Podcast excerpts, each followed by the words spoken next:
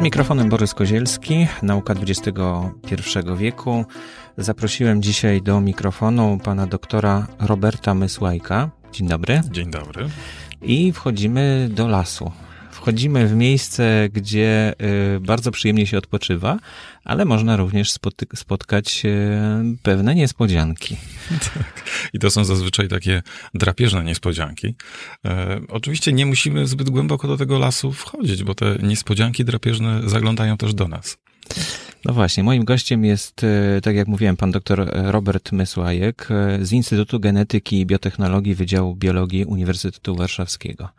Czyli pan się zajmuje właśnie tymi przybyszami, czy tymi mieszkańcami właściwie e, tutaj obszarów Polski, ale coraz częściej te, ci mieszkańcy chcą się z nami zaprzyjaźnić, prawda? Trafiają w, w takie miejsca, gdzie normalnie zwierzęta nie przebywają. E, nie wiem, czy to wynika z tego, że czują się e, wypraszane ze swojego miejsca, więc próbują zająć również nasze tereny. I sądzę, że raczej to my stwarzamy, stwarzamy pewnego rodzaju przyjazny ekosystem. Mamy tutaj w, w miastach ogromną ilość pokarmu. No właśnie. W koszach dla śmieci wyrzucamy jakieś Wysypiska odpadki. śmieci Dokładnie. To jest coś, co ściąga zawsze drapieżnika. Jeżeli jest źródło pokarmu, zawsze znajdzie się amator tego pokarmu. Także nie należy się dziwić, że nagle pojawiają się tutaj lisy, kuny, borsuki i tak dalej. I one osiedlają się bardzo blisko nas, czasami w zupełnie niezwykłych miejscach. Ale z drugiej strony mamy y, takie miasta, które są bardzo zielone. No przecież przez środek Warszawy przepływa ogromna rzeka. E, mhm. Mamy tutaj łazienki, mamy mnóstwo terenów zielonych, a zaraz obok nas jest ogromny park narodowy. No to właściwie jesteśmy otoczeni tymi drapieżnikami. I nie ma się co dziwić, że w związku z tym one też zawitają głębiej do miasta. No tak, i takie spotkanie może być e, zaskakujące no pewnie takie interesujące z jednej strony, ale z drugiej strony może być niebezpieczne. Tak, ale najczęściej ono jest po prostu kłopotliwe. E, jeżeli... No nie wiemy, co zrobić. Tak, nie wiemy, co zrobić, mhm. a jeżeli mamy samochód i nie możemy zapalić, to e, może to też być sprawka drapieżnika, na przykład kuny domowej, która przegryzie nam jakieś przewody i wtedy za bardzo nie wiemy, o co chodzi. E, więc tutaj no, trzeba się przygotować. No, w przypadku samochodu to po prostu trzeba mieć jakiś zapasowy kabel albo sympatycznego mechanika, bo kuny się nijak nie da odstraszyć. Sam próbowałem na swoim własnym samochodzie. Nie da się, Przetestowałem wszystkie możliwe metody.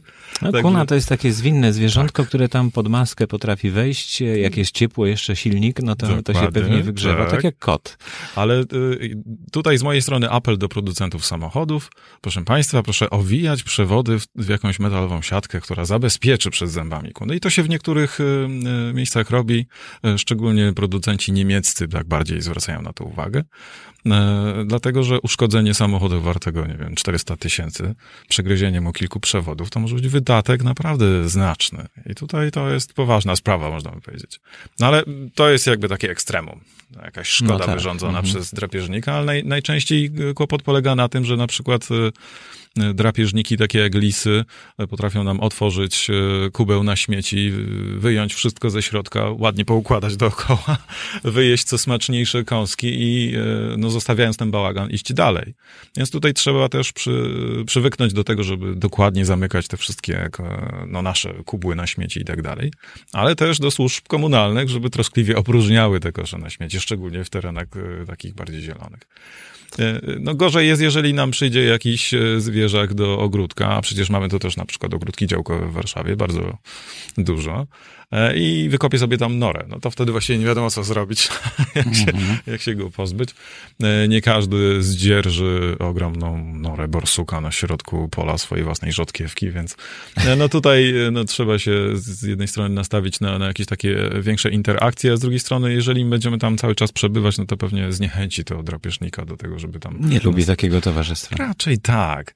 No chyba, że będziemy na tyle sympatyczni, że będziemy go jakoś tam zachęcać, ale przed tym przestrzegam. Znaczy nie nie należy się spoufalać z dzikimi zwierzętami, choćby w ten sposób, że im się wykłada jakąś karmę, tylko dla czczej rozrywki, e, mhm. dlatego że chce się zobaczyć od czasu do czasu na przykład liska. No jeżeli on się przyzwyczai, no to niestety będzie przychodził tam często A przypuszczam, że nie wszyscy domownicy i nie wszyscy goście tego miejsca będą chcieli taką interakcję mhm. E, mieć ze sobą. No, trzeba pamiętać, że dzikie zwierzęta to nie są zwierzęta, które chodzą regularnie do lekarza weterynarii, tak jak my chodzimy z psami czy kotami. I one no, mogą być na coś chore, mogą mieć jakieś pasożyty, które niekoniecznie chcielibyśmy przejąć. No, czasem w lesie spotyka się takie tabliczki, tak. że panuje wścieklizna, czy żeby tak, uważać, prawda? Tak, i że są szczepienia. Zresztą te szczepienia są bardzo przydatne, ponieważ e, minimalizują nam ryzyko bardzo groźnej śmiertelnej choroby, czyli wścieklizny. No ale z drugiej strony ograniczają e, bardzo istotny czynnik śmiertelności. W związku z tym populacja lisa na przykład bardzo, mhm. bardzo na tym korzysta. No także tutaj trzeba jakby patrzeć z punktu widzenia całego ekosystemu. To, co jest dobre dla nas, niekoniecznie będzie dla całej przyrody tak samo korzystne. Mhm. Ale y, zwierzęta też przychodzą do nas po pomoc. Tak. To, to nie jest tak, że one tylko tutaj po prostu chcą coś zabrać i, mhm. i, tylko zgłaszają się po pomoc. Dziki przecież często wychodzą gdzieś na drogę przed, przed promem y, w Świnoujściu, to jest bardzo częste zjawisko podobno. Całe tak. rodziny przychodzą tak, tych dzików. Tak. Może nie tyle one same przychodzą, co po prostu spotykamy w jakichś takich sytuacjach, które dla nich są niebezpieczne, są poranione. No czasami są wypadki samochodowe z udziałem zwierząt. E, wjedziemy na jakiegoś lisa, kunę, czy tam, nie wiem, dzika, to już nie daj Boże, bo to przecież jest bardzo mm -hmm. duże zwierzę. A już najgorzej pewnie zdarzyć się z żubrem lub łosiem. E, natomiast no też powinniśmy wiedzieć, jak wtedy reagować. Jeżeli jesteśmy w Warszawie, no to jest właściwie wygodna sytuacja, ponieważ e, tutaj wyjątkowo mamy referat do spraw ekologicznych e, w Straży Miejskiej, więc możemy tam zadzwonić. Czyli do Straży Miejskiej. Do Straży Miejskiej i oni wtedy no przynajmniej doradzą, co zrobić w konkretnym przypadku, w zależności co to będzie, nie wiem, czy osy na strychu, czy kuna w garażu, czy jakieś ranne zwierzę. Natomiast jeżeli mamy jakieś zwierzę dzikie znalezione na terenie Warszawy, mhm. mamy ośrodek rehabilitacji dzikich zwierząt działający w lasach miejskich. To jest instytucja komunalna, więc tutaj bezpośrednio do niej można się zgłaszać. Także akurat Warszawa jest takim y, sympatycznym wyjątkiem, bo w wielu innych miejscowościach, szczególnie tych mniejszych, właściwie nie wiadomo, co zrobić, do kogo się mhm, zwrócić. Mm -hmm. Czasami nie ma żadnych e, straży gminnych czy miejskich i no, właściwie nie wiadomo, co zrobić. Tutaj pomocą służy, służą regionalne dyrekcje ochrony środowiska. Tam na przykład mamy spis E, ośrodków rehabilitacji zwierząt. Także w każdym województwie jakiś ośrodek rehabilitacji możemy znaleźć. Jeżeli mamy ranne zwierzę, e, no to możemy się skontaktować z takim profesjonalnym e, ośrodkiem i zyskać radę i czasami nawet oddać tam zwierzę do rehabilitacji. Mhm. Ale jeszcze chciałem wrócić do tematu naszej audycji, czyli nauki XXI wieku. Proszę mi powiedzieć, jak nauka ta najnowsza, czyli te najnowsze odkrycia, które no, powodują, że są, nie wiem, urządzenia takie jak GPS, no, medycyna też bardzo się rozwinęła już w XXI wieku. Jak to się przekłada na badania zwierząt, jak im pomaga, w jaki sposób wykorzystywane są tego typu osiągnięcia? Ja sam pracuję w Instytucie Genetyki i Biotechnologii i tam bardzo z natury rzeczy rozpowszechnione są takie metody biologii molekularnej. I one to trochę wygląda jak taki CSI. Hmm, czyli, czyli, genetyka. Tak, też. genetyka. Możemy na przykład ustalać ojcostwo, no różne takie rzeczy, które właściwie wykorzystuje się w medycynie sądowej. No to mhm. oglądamy z napięciem te wszystkie czyli kryminały. jak lis nam przyjdzie rozrzucić śmietnik, to możemy go tak, szukać po DNA. Możemy go szukać po DNA, ale oczywiście to ma takie zastosowanie bardzo praktyczne. Możemy na przykład śledzić e, odległości, na jakie przemieszczają się zwierzęta. No, nie jesteśmy w stanie założyć na przykład nadajniki telemetryczne na każdego wilka w Polsce i żeby się dowiedzieć, mhm. jak daleko on poszedł, żeby znaleźć partnerkę. Natomiast jeżeli e, zbierzemy choćby próbki z jego odchodów, czy z moczu, nawet ze śliny, które on może zostawić na jakiejś ofierze, e, nawet nie musimy go spotkać. Mamy jego DNA, mamy jego profil. Jeżeli za kilka lat znajdę jego DNA w innym miejscu. W jakiejkolwiek mhm. Y, postaci, w innym miejscu będę wiedział, że pokonał tą odległość. Nawet nie, nie spotykając go. Więc jest to bardzo duże udogodnienie. Oczywiście to się wykorzystuje też do oceny stanu zdrowia, e, to się wykorzystuje też na przykład do oceny stanu zapasu życenia. No to te wszystkie próbki e, można wykorzystać na wiele różnych mhm. sposobów. No ale to jest takie dość e, specjalistyczne podejście. Natomiast... Czyli to jest tak, służy do obserwacji generalnie. Tak, służy mhm. do obserwacji, do rozwiązywania różnorodnych problemów związanych z ekologią, genetyką czy stanem zdrowia mhm. dzikich zwierząt.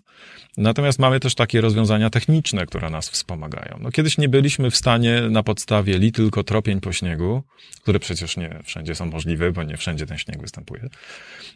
Nie mogliśmy ocenić na przykład wielkości terytoriów zajmowanych przez jakiś gatunek. Na przykład przez wilka. Jaki duży jest ten, mhm. ten areał? No, Potem weszły takie rozwiązania techniczne, jak e, znakowanie zwierząt obrożami wyposażonymi w nadajniki radiowe, które wysyłały fale radiowe na określonej częstotliwości. Także wiedzieliśmy, że ten z częstotliwością 148 łamane przez 72, mhm. no to jest e, Wilk Henryk i to on właśnie tutaj jest w tym miejscu. E, kłopot polegał na tym, że trzeba było za tym wilkiem oczywiście w pełnej odległości, na przykład kilometra, e, podążać z antenką, no i cierpliwie zbierać te punkty lokalizacyjne. Mhm. No i proszę sobie wyobrazić, że no, ja brałem udział w takich e, namiarach telemetrycznych e, w Puszczy Białowieskiej, no i wilk oczywiście wstał, jak to on, wieczorem, podrapał się i dawaj na polowanie. No to jeżeli na rowerze jestem w stanie jeszcze nadążyć w pełnej odległości za roznamiętnionym polowaniem wilkiem, no to jeżeli on przepłynie dużą rzekę, no to ja stoję na drugim brzegu z tym rowerem. No, tak. no i właściwie muszę szukać mostu lub jakiegoś brodu. To, to oczywiście jest bardzo nie, niepraktyczne. Udawało się to oczywiście do pewnego stopnia, ale technika poszła dalej. I teraz właściwie to, co my stosujemy w samochodach, czyli tę nawigację GPS, e, możemy wykorzystać też w tego typu e, badaniach. Wtedy wilk dostaje taką obrożę telemetryczną z GPS-em, i jeszcze takim modułem, który wysyła tą lokalizację z GPS-u, na przykład y, drogą telefoniczną, czyli badacz dostaje SMS-a. No, hmm. Wilk Henryk jest tutaj. Oczywiście można do tego dołożyć różnego typu logery i będziemy mieć nie tylko informacje o tym, jak y, Wilk Henryk y, się daleko przemieścił, ale też na przykład jak szybko bije mu serce i tak dalej. Także tu rozwiązania są bardzo różnorodne. Oczywiście kłopot jest z miejscami, czy takimi lasami, gdzie sieć komórkowa nie istnieje. No bo przecież no, Wilk tak. Henryk może się wybrać do Rosji. Brakuje no i co zasięgu wtedy? I tak. Roaming nie działa i on siedzi gdzieś tak w jakimś borealnym lesie. No, no, są też rozwiązania radzące sobie z tym kłopotem. Możemy wysyłać ten sygnał, tą lokalizację poprzez sieć satelitów. No i wtedy właściwie nie ma żadnego problemu. Cała kula ziemska jest e, objęta tym systemem. To się szczególnie wykorzystuje przy gatunkach, które e, przemieszczają się na duże odległości. No ptaki, jeżeli lecą nam nad Bosforem, mm -hmm, gdzieś tam mm -hmm. do Afryki, no to nijak z antenką za nimi nie nadążymy. No nie. Tak, także te, te rozwiązania są bardzo różnorodne. Oczywiście one jeszcze głębiej wchodzą w taką kwestię już analizy, wtedy to są bardzo e, zaawansowane algorytmy matematyczne do obliczania różnych rzeczy, ale to już są takie szczegóły, których pewnie e, laik nie zobaczy w lesie. Natomiast badacza z antenką zobaczyć może. Mhm. No ja właśnie y, ostatnio dowiedziałem się, że badania prowadzone na lwach. W Afryce E, wykazały, że właśnie lwy wydawałoby się takie ciągle e, rozleniwione, leżące i czekające, co ta lwica przyniesie. tak. E, są bardzo aktywne, ale w nocy. Tak.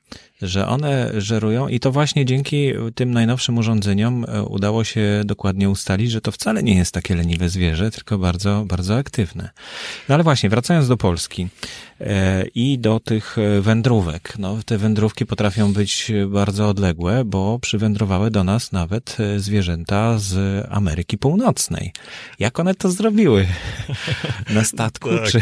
Mamy takich e, kilku najeźdźców e, w, w Polsce. Oni zostali tu sprowadzeni przez ludzi. To były norki amerykańskie, to były szopy pracze, czyli następny amerykański gatunek, ale także jenot, który pochodzi z, z Azji.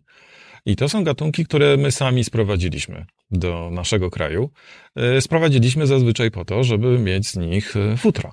One uciekają z tych ferm, no i osiedlają się w, w te, no po prostu w środowisku naturalnym. Mm -hmm. Czasami wprowadzało się niektóre gatunki dlatego, żeby, e, jak to mówią myśliwi, wzbogacić łowisko, czyli żeby można było większą liczbę gatunków e, pozyskiwać w danym miejscu i to zrobiono z jenotem w krajach e, dawnej Rosji, no niestety sąsiadujących z nami. Mhm. E, e, no i Białoruś, Ukraina jest na tyle blisko, że jak się jenoty rozmnożyły, no to po prostu trafiły trafiły do nas.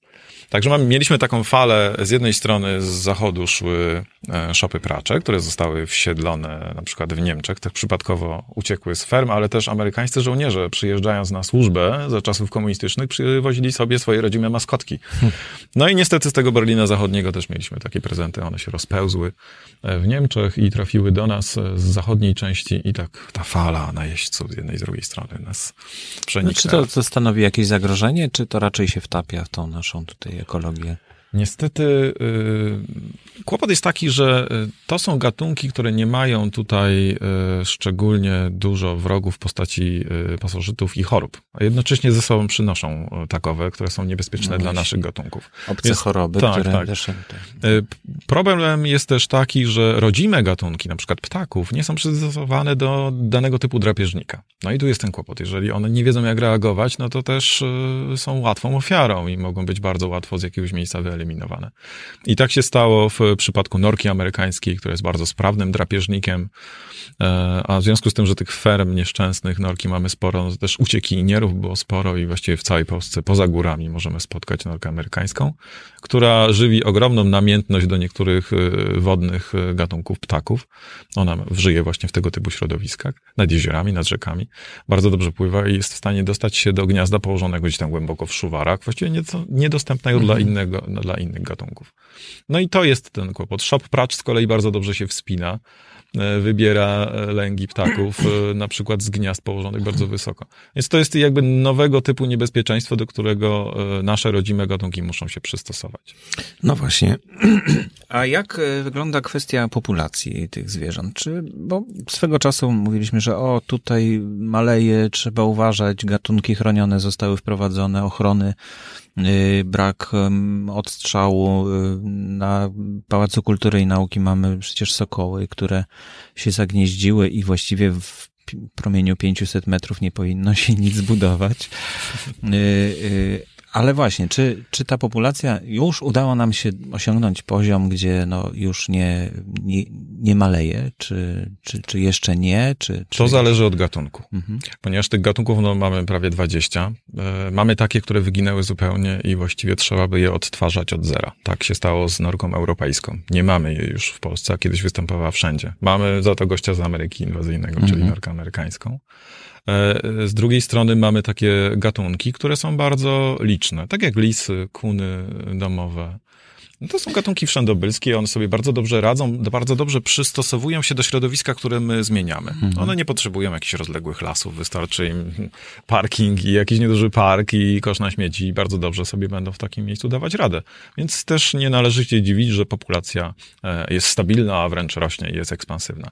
Natomiast są też takie gatunki, które potrzebują po prostu dużych kompleksów leśnych. No i tak jest na przykład z rysiem. No właśnie, o rysia chciałem spytać. Tak, mamy około 200 do 300 osobników, trudno to policzyć, ponieważ to są bardzo skryte zwierzęta i bardzo trudno ocenić ich liczebność. E, ostatnie szacunki mówią mniej więcej o takim zakresie liczebności. Natomiast one potrzebują dużych lasów. Na szczęście Polska jest bogata w lasy. Prawie 30% obszaru Polski to lasy. Natomiast problem jest z łącznością pomiędzy dużymi kompleksami leśnymi. E, ryś to jest takie zwierzę, które potrzebuje jednak jakiegoś ukrycia do przemieszczania się z jednego lasu do drugiego. Jeżeli on żyje w Puszczy Białowieskiej, no to nie dotrze do Puszczy Noteckiej z łatwością, bo po drodze ma bardzo odlesioną centralną część Polski w okolicach Łodzi.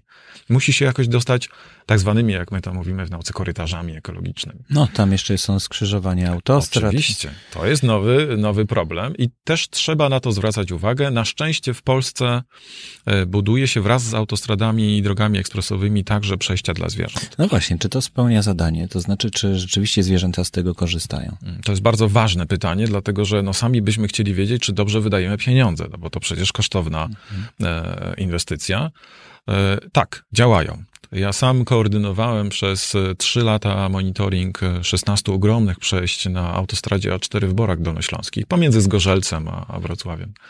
I tam te przejścia dla zwierząt były różnego typu. I górne, tak zwane zielone mosty szerokie, e, i też dolne jakieś przepusty. I co się okazało, że tam występują też wilki, Występują oczywiście sarny, jelenie, dziki, duże zwierzęta, no i maluchy, takie jak borsuki czy lisy. I też się zastanawialiśmy, no, którędy, który będzie chodził. Mhm. Ciekawe było to, że największym powodzeniem cieszyły się górne, szerokie przejścia, które wynosiły zwierzę nad autostradę. Czyli bezpiecznie jakby łączyły jedną stronę lasu z drugim i właściwie to, co było na przejściu, było takim elementem naturalnym, bo tam rosły jakieś małe drzewka, trawa i tak dalej. Właściwie jak się sarna pasła, to nawet mogła nie zauważyć, że się przez pewien czas pasła nad autostradą. Natomiast wilki, rysie, dziki, borsuki, lisy doskonale sobie e, z taką przeszkodą radziły, przechodziły swobodnie z jednej strony na drugą. Kłopot był z przejściami dolnymi pod autostradą, dlatego że tam się w wielu przypadkach tworzył e, rodzaj tunelu i takiej akustycznej puszki.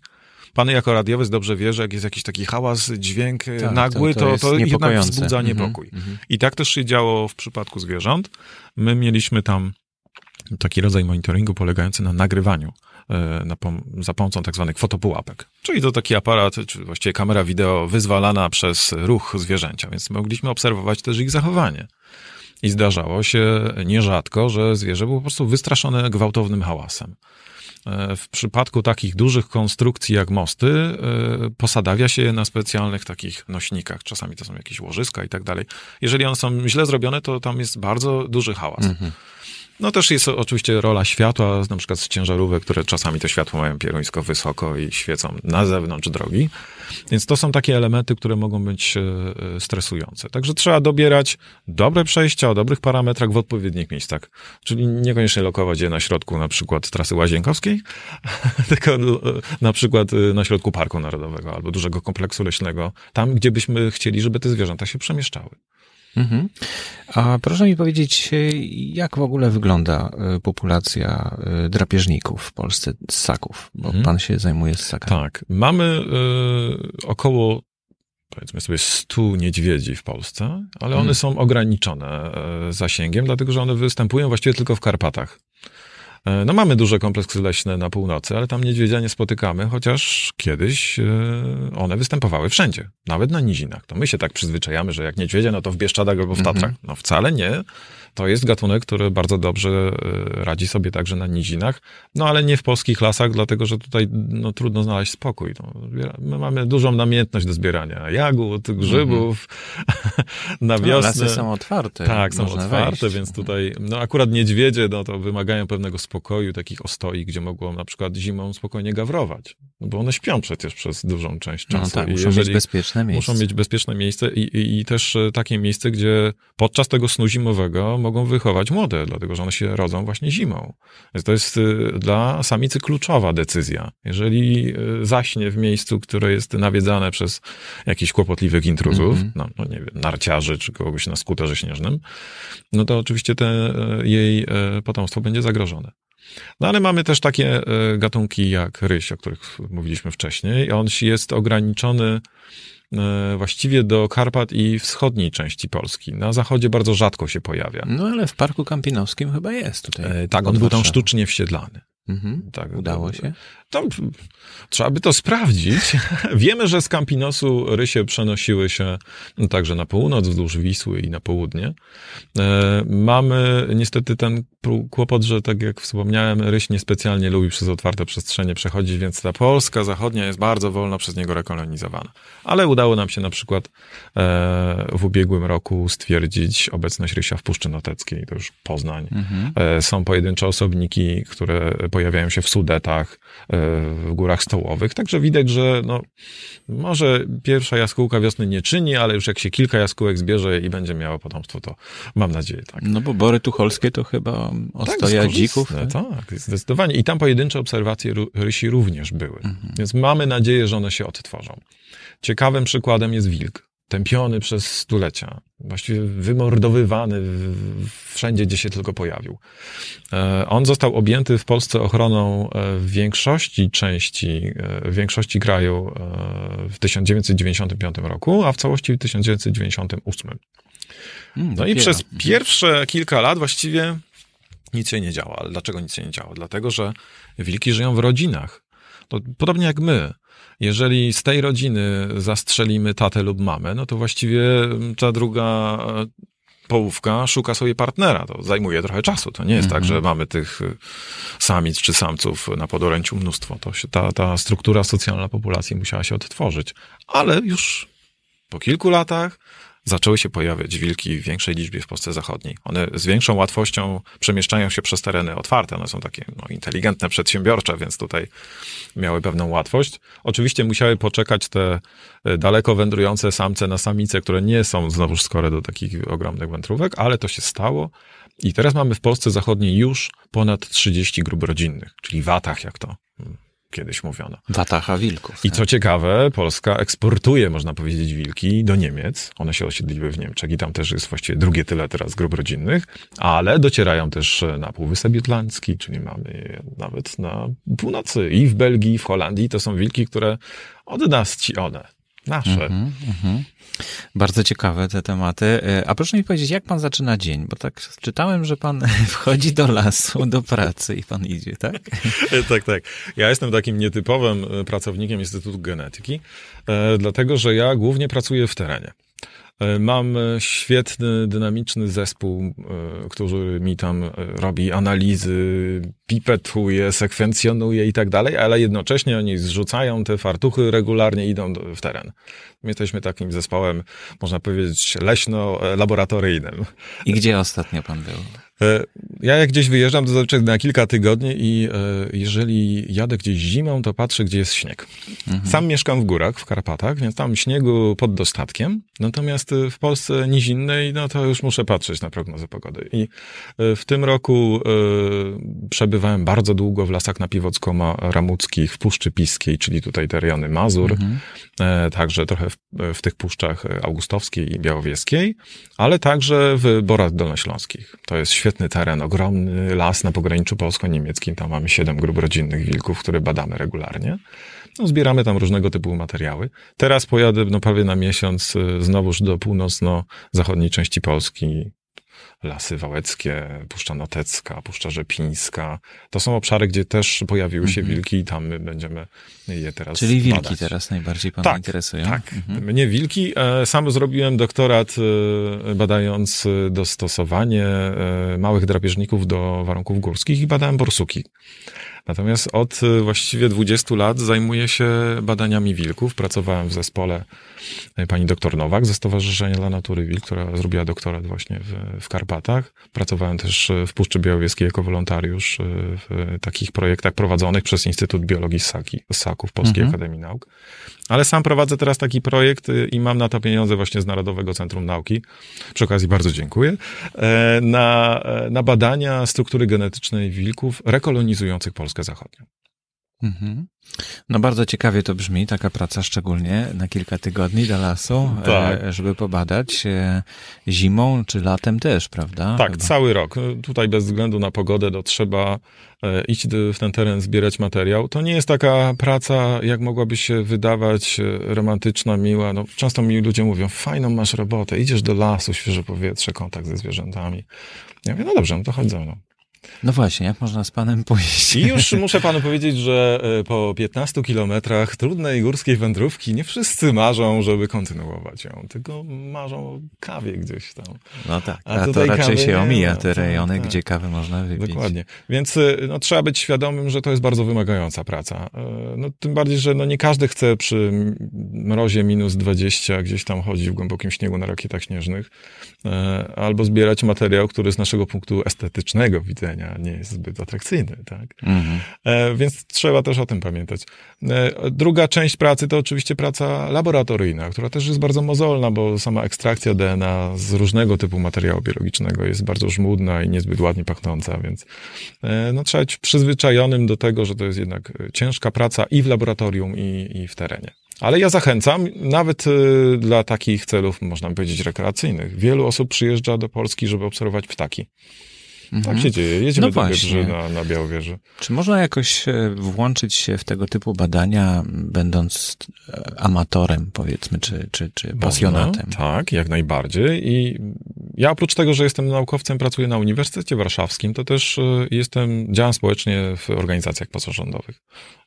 Na przykład w Stowarzyszeniu dla Natury Wilk, które organizuje takie monitoringi, warsztaty, szkolenia i tak dalej i włącza właśnie ludzi, którzy niekoniecznie są biologami, do monitoringu monitoringu drapieżników. Mamy świetnych humanistów, historyków sztuki, znawców literatury starofrancuskiej, którzy są doskonali w terenie.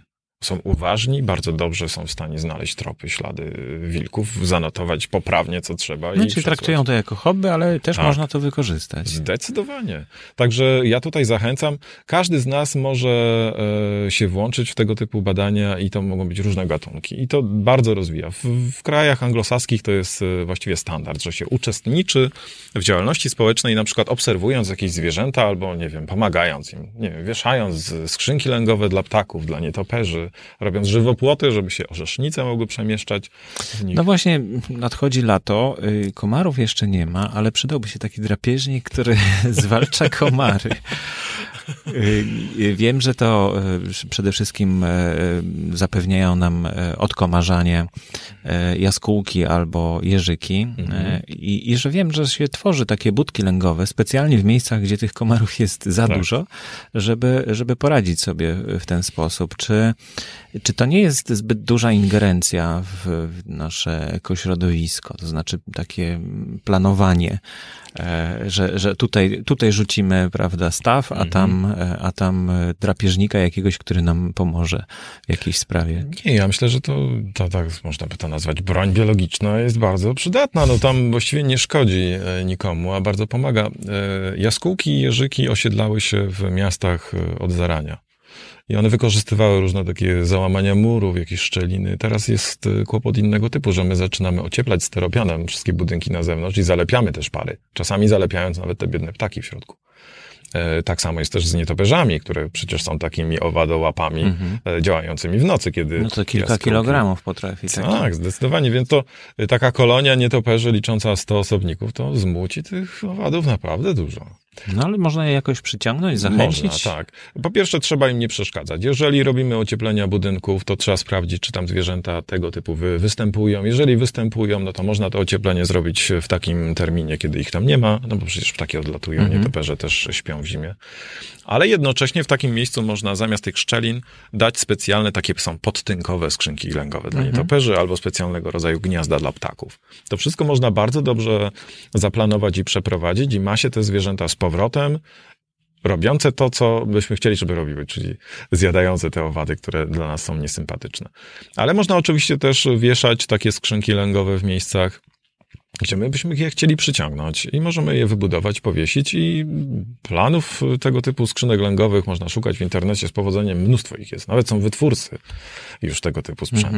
Mm -hmm. Wręcz niektórzy producenci na przykład kafli da, e, dachówek e, również produkują takie specjalne mm -hmm. dachówki, które mają już te elementy w sobie. Także tu warto, warto poszukać, pokopać za tym i jeżeli ktoś ma na przykład kawałek ogrodu, no to ja zachęcam. I to jest właściwie tanie, łatwe i przyjemne, jeżeli się powiesi tą skrzynkę i ma się potem przyjemność po pierwsze obserwowania tych zwierząt. No, kamerkę można do można środka kamerkę, włożyć. Tak, a z drugiej strony ma się poczucie, że jednak ktoś te, te komary łapie. No, no my sami tego nie jesteśmy w stanie zrobić. Natomiast y, sam ten ruch taki amatorski e, e, organizacji przyrodniczych rozwija się bardzo dynamicznie w, w Polsce. My sami prowadzimy różnego typu warsztaty i zajęcia i na przykład do nas przyjeżdżają studenci z Wielkiej Brytanii po to, żeby potropić sobie wilki rysie e, w Beskidach.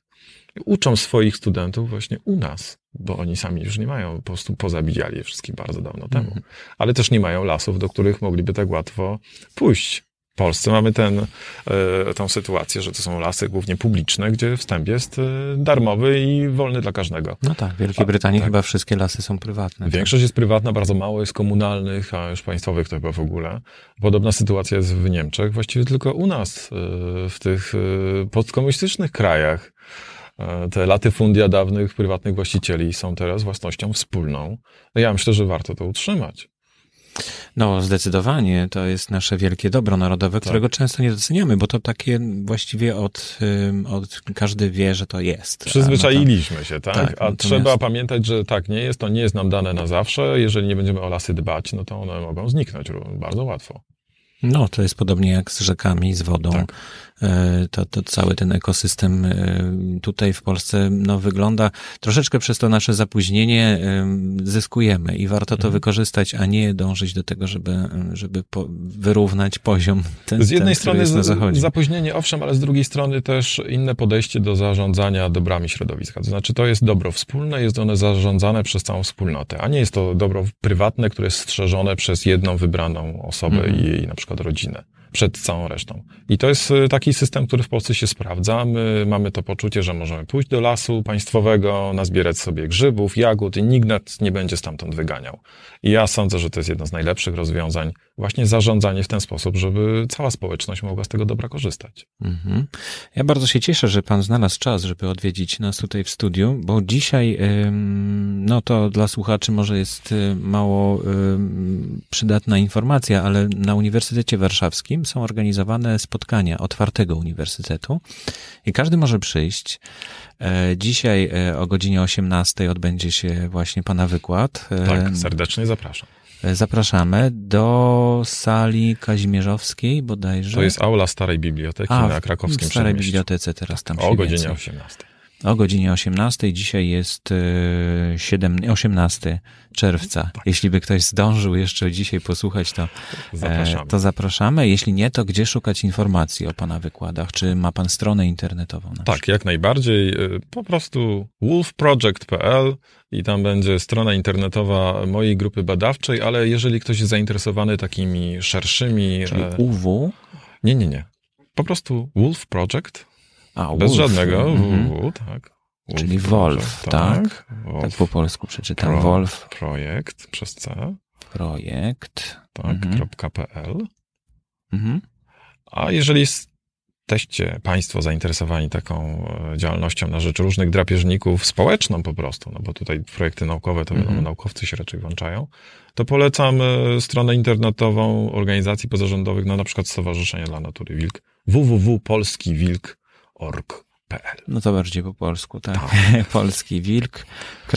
Org. Jako organizacja. Mhm. To zapraszamy na tę stronę. A gdzie będzie Panią można jeszcze e, usłyszeć, wy, przyjść na wykład? Staram się być aktywny na tym polu i e, w tym roku miałem już na przykład na Politechnice Warszawskiej wykłady dla Uniwersytetu Dzieci. E, będę miał zapewne jeszcze w, na Uniwersytecie Warszawskim takie otwarte wykłady związane z, z jubileuszem wkrótce Uniwersytetu Warszawskiego, więc ja staram się tych wykładów robić dużo i nie tylko w Warszawie.